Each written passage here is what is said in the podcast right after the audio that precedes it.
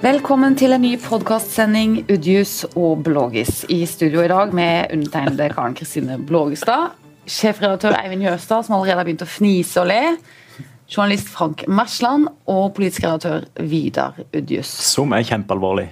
Ja, du, Ja. du tar podkasten seriøst. Ja, jeg tar podkasten seriøst. Jeg syns jo dette er verdt å ta seriøst. Ja, det synes jeg også. Jeg synes jo Fleipete inngang, Frank. Ja, ja. Ja. Nok om det. ja. Skjerpings. ja. Eh, Vidar Udjus. Du syns plutselig at Kristiansand er blitt en sånn liten by, og det er fordi du har vært i hovedstaden. Gått og vagga litt i vandrehallen i Stortinget og kjent på pulsen. Det er klart det er noe annet. Ja. Det er jo ikke til å legge skjul på. Så, eh, men, men for å være helt seriøst, så har jo vår lille landsdel eh, endelig fått eh, representanter i eh, veldig sentrale posisjoner på Stortinget, i det nye Stortinget. Så er det jo tre KrF-ere som sitter på vippen og som kan avgjøre Ernas skjebne, statsbudsjettets skjebne. Det ble mange æsjer. Eh, men disse tre KrF-ene fra landsdelen som jo gjorde et veldig dårlig valg, de sitter nå og bestemmer veldig mye eh, politisk i, eh, i Norge. Og da jeg var der inne her eh, onsdag-torsdag denne uka, så så en det fysisk ved at eh, Kjell Ingolf Ropstad er det nå nesten umulig å få tak i, fordi at alle andre løper etter han hele tida. Og han viste meg bare kjapt et sånn lite flash av kalenderen han hadde de avtalene den dagen, og det var altså sånn intervjuavtaler, møter eh, Ja, så, så det Skriften 'Gjør et dårlig valg, få full kalender'. Ikke sant? er det bra da for KrF, eller er det bra for Sørlandet? Det er, det er bra for Sørlandet som landsdel. Vi har jo skrevet side opp og side ned i år ut og år inn om manglende representasjon i viktige organer i regjeringa. Eh, og nå sitter vi iallfall eh, vi. Nå sitter da sørlendinger i alle fall på vippen i Stortinget. Så sånn sett spennende for Sørlandet, og kanskje til og med spennende for Fevennen. Fordi at Vi får mer å skrive om. Ja, og du har flere turer til Oslo. Men hva slags sørlandssaker er det de bærer først og fremst, eh, disse Nei, men, og, det, og det er jo et veldig viktig spørsmål i seg selv, fordi vi er jo i den underlige situasjonen og i forhold til det vi er vant til å være i, at de store landsdelssakene er i ferd med å bli gjennomført. For noen år tilbake så var det universitet, ok, det har vi fått, og så er det jo snakk om bevilgninger osv. Så, videre. så har det jo vært en evig, evig, evig kamp om veier. Det er iallfall i ferd med å komme. Så kommer fengsler, ja, det begynner nå å bygges. Så var det Sørlandslabben, denne mil borte i Grimstad, ja, faktisk eh, i full sving. Og når, interessant nok når en snakker med sørlandspolitikere fra alle partier inn i Oslo og, så, og, og spør ja, hva, hva, er det neste hva, hva er det neste store landsdelen skal kjempe for, så blir blikkene med en gang mer flakkende. Hva med omstillinger for en uh, oljeleverende industri? Eksempelvis. for eksempel det. Sier de ja. noe om det? Egentlig ikke. Og eh, jeg syns også det er relativt lite snakk om det som vi har skrevet mye om i avisen. 40 000 sørlendinger som er ut forbi arbeidslivet og som lever på, på trygd. Eh, 80 skoleklasser, unge mennesker under 30 år som ikke har noen ting å gjøre. Helt dramatiske tall. Eh, det, jeg tenker det kan være aktuelle tema i hvert fall å løfte fram. Det er jo vår jobb da å løfte det litt fram. Eh, Eivind, du er jo ikke så verst på politisk analyse du heller. Nei, Takk for det, Karin. Nei, det er jo først og fremst jeg tenkte når jeg så den Vel, den, ja, den interessante saken vi hadde om de tre, da, det, ikke sant? Det, som vi jo har visst, men nå med statsbudsjettframleggelsen og sånn, så, så blir det konkret og tydelig at de får reell makt. Og Det er jo fascinerende med vårt valgsystem. da, Jeg vet ikke hvor mange tusen stemmer KrF kom over sperregrensa, men 6000. 6000 stemmer over sperregrensa. Det er liksom forskjellen. For at ikke det hadde vært der, og så kom de over, og så sitter de plutselig I også fordi av, av, ja, av mange andre grunner da, i nøkkelposisjoner. Men så gøy for de da. For du først skal sitte og bruke livet ditt på Stortinget, at du faktisk eh, har eh, en posisjon. Så får vi se hvordan det blir. de kommer, hva syns du du har sett ut av Knut Arild Hareide de første dagene nå? Tror du de kommer til å bruke posisjonen for hva han er verdt? Ja, Ja. det tror jeg. Og det sånn. må de jo gjøre. Og det er jo, eh, KrF har jo der, De vingla jo i valgkampen, men nå har de jo vært tydelige etter valget og bestemt seg hvilken posisjon de skal ha, og de skal bruke dem for alt det er verdt. Så blir det veldig spennende med Venstre. Om, eh, det er jo fortsatt. De har ikke helt bestemt seg. Men eh, Og det, og det Du møtte en eh, ja. litt sentral venstrestemme kan vi kanskje si eh, før i dag, og, og, som du diskuterte litt hemmelig med. Men hva, hva spår du, Vidar? Hva gjør Venstre? Eh, Venstre er veldig delt. Eh, og de eh, Et flertall sannsynligvis i stortingsgruppa, inkludert Trine Skei Grande, er, virker ganske gira på å gå inn i regjering. Eh, men grovt sett, jo lenger ut i landet du kommer, jo sterkere blir skepsisen. Og det er en god del venstrefolk som, som, eh, som bruker ganske kraftige uttrykk eh, om det å skulle gå inn i regjering med Frp, og som mener at da har vi i så fall lurt velgerne for det at de sier det var ingen venstrevelgere som ble forespeilt regjeringsdeltakelse, Venstre og Frp, før valget. På den annen side, nå, nå, er de jo rett ved. De kan gå inn og utforme makt hver dag, dempe Frp. Eh, og i det hele tatt, så Det blir veldig spennende. så Før jul så må de ha avgjort dette, her, men, men neppe noe særlig før heller. For Nå skal de først forhandle ferdig statsbudsjettet. Og deretter så skal Venstre ta, ta, en beslutning. Men i løpet av desember så, så tenker jeg det er klart. Frank, du ba om ordet. To ting bare. Har du hemmelig samtale med Venstre? Én? Mm, ja eller nei? Sonderinger. Er du overraska over at de går i regjering eventuelt? Ja, jeg er det ut ifra det som jeg følte ble kommunisert i valgkampen. Samtidig som jeg ser at det ligger jo et politisk mulighetsrom for de der. Hørtes det ganske politisk ut? Mulighetsrom, fint ord. Vingle-venstre, tøyse-venstre, venstre som egentlig har det potensialet.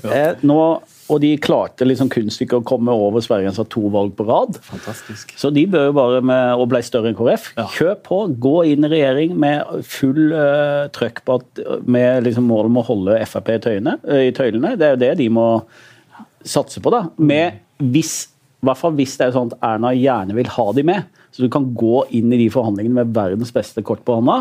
Og greit, vi gjør det. Vi skal ha integrering, eh, kommunal eller kunnskap, ikke sant. Sentral, tre sentrale departement.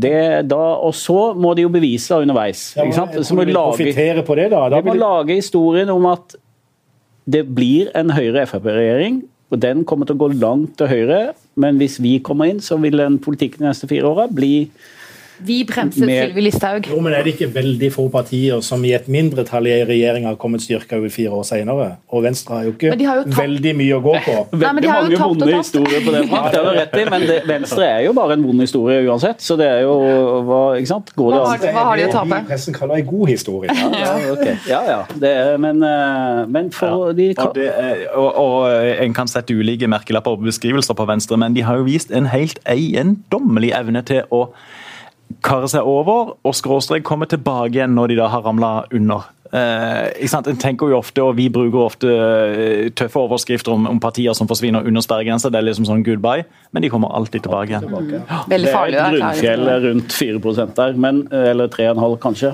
Også, men, men snu på det, hvis ikke de gjør det. Ja, ja, ja.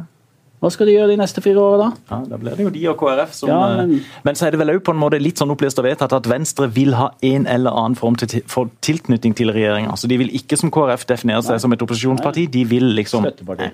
Klart støtteparti. Og da kan, du, da kan, du, jo selvfølgelig like å spørre ok, kan dere ikke like godt gå inn, da? Og ta litt makt og ta litt plass. Og, og så er det noe med det som er undervurdert i politikken, det er den der dag til dag til dag å sitte og bestemme faktisk i departementene tas det jo hundrevis av avgjørelser hver dag, og det å sitte der og, og faktisk være med og bestemme det, det er mye politikk som, som, utøves, og ikke bare de sakene som går til Stortinget og som på en måte får, får nasjonal oppmerksomhet i, i form av store debatter. Det er jo leke med tanken på å bytte ut Sylvi Listhaug med Abid Raja.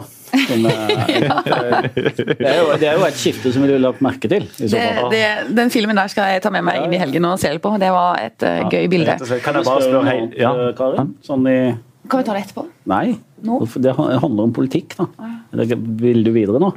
Litt. Ja, videre, pleier, vi har jo ofte vært åpne med noen veddemål og sånn, så nå, ja. nå, har vi et gående på ny utenriksminister. Ja. Hvem blir ny utenriksminister i Norge? Ja.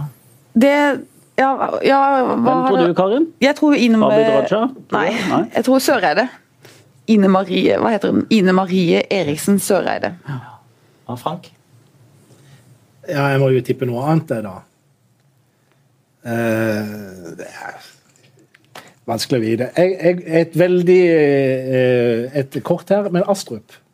Nikolai Astrup, Kronprinsen. Ja. ja. Han syns jeg er en av de to dyktigste i hele Høyre i hele Norge. Det ville, jo, men I så fall ville det jo vært uh, tidenes uh, politiske sprang. Ja. Så det tror ikke jeg Men, men, ikke sant? Wildcard. Ja. Wildcard. Hva, hva, hva Nei, altså vi, og vi har levert inn skriftlige forslag. Eller har du levert inn, Eivind? ennå? Har du ikke det ennå? Og jeg fikk frist for meg for flere uker siden om å levere inn. ut litt her nå, så ja, du, jeg har jo, jeg har jo jeg vet at du har skrevet Ja, jeg har jo vært konservativ og tippa uh, hun som du nevnte, da, Karen. Det må, jeg, det må jeg si. Mens Eivind jo ennå ikke har levert inn. Det var litt skuffende. Jeg syns det er vanskelig. Jeg tror jo òg det blir hun, men jeg må jo prøve å og første kvinnelige det er én ting, og så er hun fortsatt sånn politisk sett relativt Hun er kanskje midt på treet nå med hensyn til alder. Ja, vel Midt på treet? Ja, Nei, men Å, Frank! Du, når, når, når, når er du midt på treet? Ja, og når Glem det. Og som kvinnelig politiker, nå falmer du totalt. Nei, det var ikke det. Jeg tenkte bare på i forhold til En kan se kanskje rundt omkring en litt sånn foryngelse i den politiske alderen. alderen. Nei, ja, men dere snakker om henne Jeg tenker ikke Det er kvinnealder, ikke sant? Det er jo dere opptatt av. Jeg som kvinne er ikke så opptatt av det. Jeg tenker mer at hun har Det var feil. Det er jo om det kommer inn noen Om det finnes noen i ja. UD-landskapet. Ja, som ja. ikke sant? En sånn Vollebekk-type som kan dukke opp. Eller, ikke sant? Som ikke helt ser her nå. UD er jo fullt av Ap og Høyre-folk. Men det er jo fint å ha eh, bakgrunn som forsvarsminister når du skal bli utenriksminister, for hun kan jo sikkerhetspolitikk og alle tingene. Da Erna Solberg danna sin regjering for fire år siden, så trodde jo de aller fleste at hun skulle bli utenriksminister. så det så, ja. Det er sikkert et utrolig kjedelig veddemål. Det blir hun. Ferdig med det. Ja, Vedder du òg på det? Ja, jeg tror det. Ja, det tar jo litt av lufta ut av vårt veddemål. Nei, jeg skal prøve å finne på en annen. Ja, Vidar Helgesen eh, ja. kunne jeg skrevet opp, men bare fordi han Men jeg tror ikke han blir det. Nei, men det er jo eh, Ja. Det er jo ikke noe dumt eh, tips. Det er bare fordi jeg skal tape hver gang. Ja. Jeg tror jeg har vunnet tre veddemål på rad mot Eivind. Ja, nok om det. Nå, nå, nå vil jeg videre. Nok politikk, takk. Eh, Seint i kveld denne uka så fikk jeg en SMS. Og så var den fra Eivind Jøstad. Og det er jo alltid dritskummelt. Det vet dere, ikke sant? Iallfall når du sier det med den stemmen. Hva, ja. Hva er galt nå? Og Der sto det et eller annet som cirka følger Er du klar over hvor bra Bjørnebodagenes program er, eller? Og så var det underforstått eh, Er dere forberedt? Det var du selvfølgelig, da. Men var, var kom... ikke bakpå i det hele tatt. Nei. Nei, det oppdaga jo litt seint, men, eh, men, eh, det er imponerende, rett og slett. Sant? Det er det drøyeste sånn programmet i den sjangeren jeg har sett i denne byen noen gang. På. Det er det A-laget av uh, forfattere. Og så er det så gøy for det er så aktuelle forfattere også, da, som kommer hit. Kjærestad som er bok, rykende bokfersk, holdt jeg på å si. Vigdis Hjort som jo er bokfersk og står i tunge, store litterære debatter. Og Dag Solstad, superstjerner på den norske litterære himmelen, og flere og flere. og flere. Det er veldig bra program. Kjempeaktuelt. Eh, virkelig bare kred til eh, Kristiansand folkebibliotek og menneskene der, som har klart å stable det på beina. Også. Ja, og jeg syns de over tid har vært flinke til å eh, sette gode, aktuelle debatter der nede, samle folk. Mm. Gjøre det på en ja. måte, en uhøytidelig måte, mm. som gjør at folk har lyst til å komme ned der og delta og overhøre mm. ting. Og det nye lokalet òg. Fantastisk. Ja. Mm. Så eh, hadde de jo også en kjempediskutert eh, og omdiskutert eh, boklansering på en måte, da, eh, her nå, med Bjørn Olav Jahrs 'Drapene i Baneheia'. Og der var det stinn brakke når han ble intervjuet av Fjellandsvennens Conny Bensrud om den boka og de, som han hevder, nye teoriene han lanserer der. Og Eivind, du var jo på det møtet, og det var jeg også. Men hva syns du, du hva, syns, hva, slags inntrykk har du av denne boka og teoriene hans? Bare litt sånn kort. Vi skal ikke gå så dypt ja, inn i det. Nei, det var, uh, først og fremst sitter igjen med liksom, Det var en sterk opplevelse å være i det lokalet. Du sa, ikke sant? Det lokalet er jo spesielt, for det er nede i kjelleren, liksom. Så det var, uh, og du kom ned der, og det bare lurt på eh, hva jeg er på nå. Er jeg på en sånn vekkelsesmøte eller noe sånt? For det bare dirra i, av følelser da, i, i lokalet der. Mm. Eh, det var familier til eh, Begge de dømte var der. Familier til, eh, til ofrene. Eh, det var eh, advokatene til Viggo var der. Og det var liksom Det dirra i lokalet. Og, masse presse, masse advokater. Ja, stort oppbud av presse osv. Så, videre. så det var så da det, det, var for meg en sånn vekker på hvor mye følelser det fortsatt er i den saken, i denne byen. Og det er bare en påminnelse om at denne sånne type dramat Tired of ads barging into your favorite news podcasts? Good news. Ad-free listening is available on Amazon Music for all the music plus top podcasts included with your Prime membership. Stay up to date on everything newsworthy by downloading the Amazon Music app for free or go to amazon.com slash news ad free. That's amazon.com slash news ad free to catch up on the latest episodes without the ads. forferdelige hendelser, hvor det fortsatt ikke sant, hersker en eller annen Det finnes teorier om kan det ha vært sånn eller sånn, og sånn, da blir du aldri ferdig med det. Og Det er egentlig det som var settingen i går. Det er et sår. Ja, det er et det er åpent sår, kunne jeg nesten Jeg, fikk, tenke på. jeg dekka jo, jeg jobba i NRK på det tidspunktet, og dekka både sa, altså rettssaken i, i både tingretten og lagmannsretten eh, noe tid etterpå. og eh, Det er klart i etterkant der, bare uten å ta stilling til noe som helst her rundt bok eller noe, men i etterkant der så ble det gjort et eh, godt stykke arbeid eh, eh, blant journalister som hadde vært involvert. og Det som sto igjen som kanskje det største problemet for veldig mange, var eh, nettopp dette her med mangelen på fellende bevis eh, i, i, i, under selve rettssakene. da. Eh, eh, som, som opplevdes som noe problematisk for mange av de journalister som hadde overvært eh, flere uker i rettssalen eh, hvor dette hadde blitt tatt opp. da. Så det er klart Når det kommer ei bok som dette så mange år senere, du vet hva det på et tidspunkt gjorde med et eh, ganske stort lokalsamfunn i norsk målestokk, og det dukker opp denne problemstillinga er han skyldig, er han ikke. Det er klart det er rett i trykkokeren med en gang. Og det, det overrasker meg ikke. Jeg bare kjenner sjøl på eh, når det kommer ting som dette, at det er en liten sånn der eh, omdreining i maven. For det er ikke en sak som det er en sak som jeg tenker de som har opplevd den her i byen, kommer til å leve med. Du, jeg bodde jo ikke i denne landsdelen eller jobbet her når eh, dette skjedde, men jeg husker hvor jeg var, helt nøyaktig, når det ble kjent på radioen at de hadde tatt eller pågrepet noen som de mistenkte for, for Baneheia-sakene. Så da kan jeg jo tenke, hvis jeg ganger det med liksom 20, altså, sånn må det ha vært å være her i byen. Hva var ditt inntrykk han eh, under, under eh, bokbadet? Nei, jeg merker jo, helt enig med Eivind. Det var utrolig fortettet stemning og mye følelser. Og, og sterkt å være på det møtet, egentlig. Så har ikke jeg den Baneheia-saken og alt det juridiske og etterforskningsmessige under huden og sånn, men, men eh, jeg det, det er jo noe som er litt åpent, som jo gjør at den boka som lanserer seg selv som full av en ny teori, da, at den vekker oppsikt og blir debattert og blir tatt så alvorlig. og Sånn tenker jeg vi må være forberedt på at Baneheia-saken kommer til å være framover også. At det vil komme i bølger opp. Noen mennesker, synsere, eh, noen som har noen meninger om eh, noe som har blitt jo- oppdaget og sånn. det har jo gjort, veldig mange ganger, og derfor så var det jo eh, hans, eh, Forfatterens eh, hovedargument var kanskje at det er en sammenstilling, eller første gang en slags oppskriving, og han har prøvd å lage boka eh, som han kaller to historier, eh, de to dømtes historier.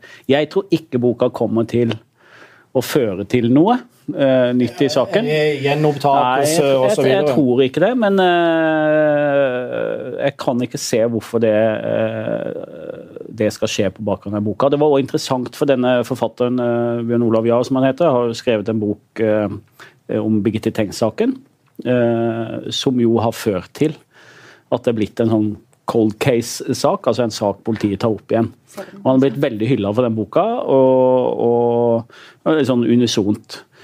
Og så reflekterte han litt rundt det i går, at det har jo ikke vært tilfellet her. Eh, interessant nok, ikke sant. Eh, eh, og han måtte jo bare erkjenne det, at, det veldig, at dette er veldig annerledes. Eh, Og, og, og det er det jo nesten på, på alle vis, siden vi her, i motsetning til i den andre saken, har, eh, har en prosess som har gått gjennom alle rettsinstanser, hvor det har vært oppe gjentatte ganger eh, forespørsel om gjenopptakelse, som har blitt avvist. Så det, på, det juridiske systemet er jo ferdig med denne saken. Eh, så I forhold til det dere sier, jeg er blant de som eh, rett og slett ikke orker å lese så mye om den saken når det kommer ned i detaljene og de forskjellige bevisanstillinger osv. Jeg har én sak som jeg kan sammenligne med Baneheia emosjonelt sett, og det er Utøya. Det er sånn på samme måte som du sier. Jeg orker ikke å virkelig gå inn i materien. Og det tok meg flere år før jeg faktisk orka gå inn i den materien. For det har jo du gjort. De skrev en sak for et års tid siden, ikke sant? Og, det, og det var med uvilje. Og jeg, jeg skjønner det du sier om Baneheia, og det er noe med altså Det var en dyd på det, hva som skjedde, hvor det skjedde, hvordan det ble håndtert, og, og det angikk liksom Jeg merker bare, når vi snakker om det nå, så merker jeg at Baneheia er det er, det er en dårlig greie på sett og vis. Og vi har kommet oss videre med at vi bruker heia og alt den. Det ble jo gjort et nummer ut av det skulle en gjøre. Og, men det er, bare et, det er bare et bevis på det som skjer når, når en forfatter kommer en bok, og det blir debattert, og det blir utbrudd fra salen, og det blir emosjonelt, og det det, er, det, det, det sier bare alt, egentlig, at dette er særdeles vanskelig for et samfunn. Og det er jo problematisk når vi er så såret og traumatisert av denne historien, og den sånn eh, Og at det er litt åpent. Det er noe, fortsatt noen spørsmål som hefter ved saken. For nå kom, er jo han ene frigitt, og han andre skal bli frigitt, er ikke det riktig? De kommer på en måte tilbake til oss. Ja, jo, jo. Det er jo en forvaringsdom. Og så er vi Ja, og så, så står vi fortsatt og blør så veldig, da. Det er jo problematisk eh, for men, oss, men, eller? Ja, ja, og det er jo ulike oppfatninger. Eh, eh, jeg blør jo ikke fordi at det er i tvil om skyldspørsmålet. Jeg tenker bare at det, det er derfor vi har disse rettsinstansene i Norge med ankemuligheter osv. Og, så videre, og til og med muligheten for gjenoppta. de- Ja, det, det, det har- de, liksom? Det, har jeg gjort Ja. siden rettssystemet har behandla denne saken så grundig. Jeg tenker at Det vi har rettssystemet til, det er å behandle sånne saker på vegne av fellesskapet. Mm. Så, så jeg øh, øhm, jeg har ennå den der? Vi, vi sitter her i Henrik Wergelands gate og har eh, noen av oss som sitter ut mot vinduet, kikker opp mot eh, Baneheia. og det, Hver gang jeg kikker opp der, så er det en sånn liten Baneheia som begrep. Eh, rett, samtidig så er jeg veldig Ja. Samtidig så er jeg veldig eh, imponert over at i lys av det helt vanvittige som skjedde, og de enormt sterke følelsene som er der ennå Vi er jo prega av det. Tenk på de nærmeste pårørende. At alle de kunne samles i et sånt lokale der i, i går, det, det syns jeg er, er rett og slett veldig sterkt. Det er jeg enig i. Det, det, og det, er- det er jeg enig i. Det er faktisk uh, spesielt, ja. Det står det jo rett og slett litt respekt av. Ja, Det er i hvert fall veldig kult, da. I den tragedien så er det bra at Bjørneboe-dagene fanger opp så eh, farlige, eh, latente og aktuelle debatter. Det syns jeg er bra. Det ville vært eh, veldig Jens Bjørneboes ånd, tenker jeg. Så igjen da kred til arrangørene Kristiansand folkebibliotek for å ha etablert disse dagene. da, og Så håper vi at jeg fortsatt vil holde den høyden. Jeg, bare fortelle, jeg tror jeg er familie med Jens Bjørneboe. Ja vel. Karen Kristine Blågestad Bjørneboe. Ja. Nei, men Jeg har aner fra Bjørneboe gård i Arendal, og det har Jens Bjørneboe også. Hans oldefar tror jeg vokste opp på Bjørneboe gård. Og i min familie Jens, Jens, Jens, Jens, Jens, Jens overalt. Ja, bare for å ha det nevnt. Jeg skal fremlegge skriftlig bevis etter hvert. Skjønte overhodet ikke den slektsgreia men. Du har jo gardsnever. Ja, og jeg er odelsjente, men nok om det. En annen stor, stor kulturell eh, happening eh, denne uka. Frank, du og jeg har jo vært på date. Ja. Var ikke det koselig? Nydelig. Ja. Vi satt på hver vår rad, men det Ja. var jo date uansett. Ja. Kinodate! Vi er på film. Ja. Natta pappa hentet oss. Steff, Stefan Strandberg. Ja. Eh, lokal mann, født og oppvokst i Kristiansand. Henta til Vennesla, hvor faren kommer fra. Eh, eh, tematikk som er vanskelig å, å filmatisere, tenker jeg. eh, hvor eh, det handler om to brødre som eh, bodde hos ei alkoholisert mor med en far på reisefot. Og hvor de på en synes det er fantastisk måte, en god måte Jeg skrev til Stefan i går jeg synes de bruker altså animasjon, tegneserievirkemidler, for å fremstille hva som skjedde mens de var små, og bruker deler av seg selv i hver, hverdagen, og en fortellerstemme som er åtte-ti år gammel på Kav kristiansandsk, forteller om opplevelsene gjennom barneøyne. Jeg syns det det var en eh, veldig sterk film, for det første, og enormt imponert over hvordan den har klart å blande tegneserieelementer med virkeligheten, og budskapet kommer rett fram. Det ender jo med at faren henter de hjem til Vennesla, eh, og som faktisk kanskje er veldig sterkt bidragende til at de i dag, eller at Steffen, Stefan i dag kan fortelle den historien. Ja, og det, ja, det var en veldig fin film. Veldig poetisk fortalt, sårt fortalt. Og et veldig sånn interessant tidsbilde av Kristiansand, syns jeg også, med stappfull Bertesbukt på 70-tallet. og... var masse bilder ikke sant? fra Sønnik og Markens når det fortsatt var kjør i gard. Og, og det, ja.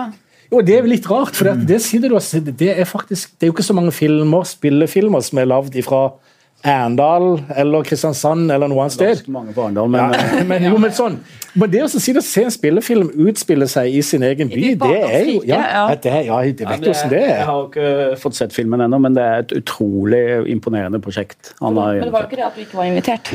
Nei, men eh, du valgte Frank der. Ja. Nei, men du må se den filmen. Og Vidar Udus, du er jo en hund etter kultur. Ja, Du går ikke glipp av noe kulturelt, så den filmen må du se, altså. jeg skal se den, selv om du har trekket det litt langt at jeg ikke går glipp av noe kulturelt. Du, det er innslag av fotball i nå, faktisk. Ja, men da, ser du, nå snakker vi. ja. Også, ja. Du, kan jeg spørre som heller ikke har sett filmen, men øh, og jeg har jo lest alt det vi har øh, skrevet om det, øh, og, og farens imponerende innsats og, og atferd. Men hva med på en måte dette momentet at mora ikke kan uh, forsvare seg? Hvordan håndteres det? Ja, ikke sant? Det er jo interessant. da, for det, det som jo jeg også tenkte litt på når vi så den filmen, eh, er jo at nå har på en måte virkelighetslitteraturen kommet til filmen også. For nå er det en som forteller en sterk selvbiografi hvor et familiemedlem kommer veldig dårlig ut. Og vedkommende får jo ikke kommentert sin historie. Men det er der jeg mener egentlig at det å, at man, man har gjort det i animasjonsform, og måten det er gjort på, mener jeg faktisk er med på å eh, begrense det spørsmålet litt. Fordi at der er, Uten å gå i dybden i filmen her, så er det jo, eh, der er jo eh, skygger av ting. Det er ikke bare svart-hvitt. Og den ene broren mer den andre i forhold til mora osv. Men jeg tenker det har på et vis ufarliggjort akkurat det spørsmålet litt. Og gjort det mulig faktisk å fremstille denne filmen på den måten. Jeg tror det er et fantastisk grep. Det å ha animert forholdet mellom mora og de to eh, sønnene. Ja, men Vi ser jo også, vi ser jo også ekte bilder av henne. da, Men, men det jeg syns, Frank, da, når vi så den filmen, som minner deg på at uh, denne moren også har en historie, også har vært et barn en gang, også har hatt noen bagasje, eller har bagasje. Hadde bagasje. Pluss at han sier Det, selv du ser barnebilder av henne. Du Ja, du ser, gjør det. Du, et par steder så er det som filmer fra henne når hun var en liten jente. ikke sant? Og da blir du som seer også eh, minnet på om at Han sier sjøl jeg, har- jeg burde nok prate med henne. Jeg har nok vært for hard i forhold til henne. Og, og jeg tenker eh, Jeg føler ikke noe fordømmelse i forhold til altså Dette her er ting som virkelig kan skje den ene og den andre. Eh, og når det først har blitt sånn i det tilfellet der, da, så tenker ikke, jeg sitter ikke igjen med sånn veldig fordømmelse av mora. Jeg sitter bare igjen med en opplevelse av at eh, det er eh, noe løvetann over det hele, som har fått lov til å vokse opp gjennom asfalten. Og det er historie, og det er også en historie med far som kommer på banen etter hvert, og som har tatt et grep. Og noe av det handler jo om at han prøvde å få foreldreretten Ja. på et tidspunkt hvor det var veldig uvanlig. det var kul umulig, helt sikkert. Det er jo Så- interessant i forhold til den utviklingen som har vært på Ja, det området. Det ville vært en lettere kamp for rettigheter. i dag, helt sikkert. Det er helt sikkert vært. Nei, Det var en veldig fin film, men eh, så den, den har dere til gode. Og da, Vidar, må jo du eh, Kanskje du og Eivind skulle hatt en date, eller dere? Det skjer rett som det. Kanskje vi kan vedde litt underveis? Hvor kommer den her veddinga fra? Jeg skjønner ikke det. Det er ikke kompetitivt i det hele tatt. Gutter med konkurranseinstinkt. Er det noe mer vi skal snakke om da? Jeg føler meg ferdig snakka. Premier League begynner igjen til helga etter landslagspause. Vi gleder oss. Det er sånn uh, vorspiel med Manchester United-Liverpool tidlig på lørdag. Det er jo en kamp som må spilles før de andre viktige kampene skal spilles etterpå. Den trenger vi ikke se. Nei. Men vi gleder oss. Kjedelig, Eh, kjedelig. Det Premier League det er så jazza opp. og Hvis du, har, hvis du har, er så uheldig å se på TV2-sporten, så er det bare en endeløs lang PR-kampanje for å selge abonnement på de der Premier League-kampene som jazzes opp. Gigantoppgjør. Ja, ja, ja, Sett nummer to mot nummer syv på tabellen. Ei, Vidar Italia! Hæ? Skal, på- du skal på poesikveld, resitasjon på Bjørneboe-dagene. Så skal du gå og se en Tander-film, og så, sånn blir din helg. Takk. Takk, Karen Mens Blågestad. vi kan se på fotball. Og så kan dere se på fotball og vedde. Det må du da. Ja, Det jeg gleder meg mest til eh, denne helga, er å høre Ole Paus holde foredrag om kjen, han kjente jo Ja, det Bjørnboe, vet du. det- Det blir kjempegøy, helt sikkert. det blir bra. Da eh, syns jeg at denne podkasten gikk eh, over all forventning eh, fint. Eh, takk for at dere hørte på, takk for at dere kom i studio, og vi høres igjen neste uke.